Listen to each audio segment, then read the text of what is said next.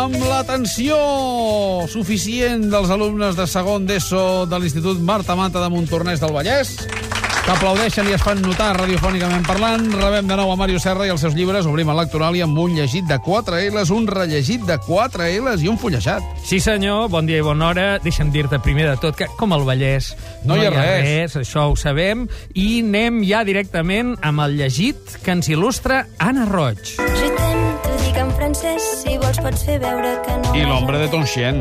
Sí, senyor, la cantautora, o en tot cas, que ha introduït, eh, introduït diguem, tot el que seria la tradició francòfona en, el, en la música contemporània coetània ara catalana, no? Ahir venien a presentar el seu nou disc, que ho van fer en directe des de l'estudi 14, i sona prou bé. sona molt bé i, eh, diguem, mil, em serveix, em ve molt bé per il·lustrar una petita perla. Un llibre de Raymond Queneau que eh, es diu Hazard i Ficil.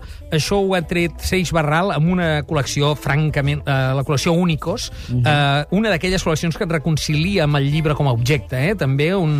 És una col·lecció magnífica. jo en Preciosa, tinc un també d'aquesta de la Jasmina Ressel, Ninguna parte, que també és esplèndid. Està, està, està molt, bé. Això és traducció al francès al castellà, Adolfo García Ortega. A veure, Hazard i Ficil són eh, 24 capítols absolutament delirants d'una narració que està situada a Marsella però que no segueix els límits ni del temps ni de l'espai gairebé, no? Aquí tenim personatges molt, molt remarcables. Un pop ensinistrat, que no és el pop pol aquell, però, però que s'hi podria d'això, escrit fa mig segle, això, eh? Un boxador negre que pot té accent alsacià, un filatèlic... Eh, aquí, que no, avança contra la lògica narrativa. Recordem que que no és autor dels exercicis d'estil, aquell llibre en el qual explica la mateixa història de 99 maneres diferents, però també d'una novel·la com Zazie d'en Le Metro, Zazie al metro, que va, va ser portada al cinema, eh, crec que per Louis Mal, amb un, amb Sí. un cert eh, èxit, diguem, eh, tant de crítica com de públic.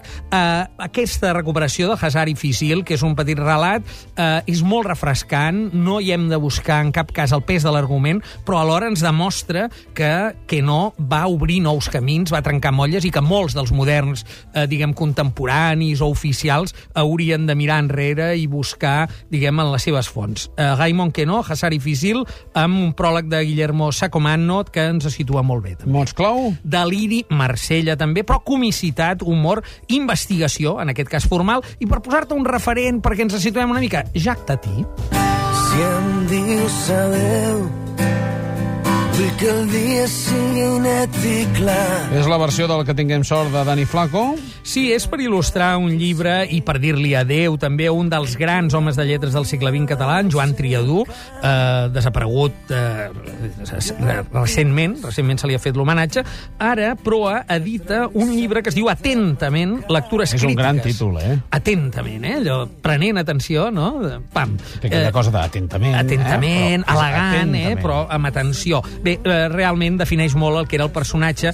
Aquest és un recull de les crítiques eh, editades per la Susana Álvarez eh, dels millors articles de crítica. A Triadú va publicar durant moltes dècades el suplement cultural del diari Avui. És clar, aquí hi ha ressenyes, però també hi ha reflexions sobre autors clàssics, contemporanis, i aleshores, clar, el valor és que barreja literatura catalana i universal. Hi trobem eh, Evelyn Bo, John Updike, però també hi trobem Joan Sales, Baltasar Porcel o Toni Sala, un autor jove i absolutament actual. Aquí eh, tenim, doncs, un bon panorama, un llibre d'aquells per saltar, per, per buscar eh, amb un bon índex onomàstic al darrere, que demostren la eh, conclusió que va arribar Joan Triadú, que va dir el segle XX ha estat el segle d'or de la literatura catalana. Mots clau? Lectura, literatura, passió, com tenia Joan Triadú, crítica també, una visió crítica, i per posar un referent, un dels, me, dels primers autors que aquí ressenya, Ausiàs Marc. Now when my heart El senyor Manent ens fiava el bon moment del català també en aquest segle, eh? Veia que, que aquest bon moment es prorroga. Es- es- es prorroga, O sigui que segueix una mica aquesta línia Triadú. Sí, senyor. Anem al fullejat amb Ray Charles. Sí, senyor, aquest Ray Charles te l'he posat perquè és I Want to Know, que és una mica la clau de la curiositat i del saber. Això és per recomanar d'una manera molt clara un llibre que jo merament he fet una lectura saltejada, eh, que es diu Per què les lleones no els prefereixen rossos?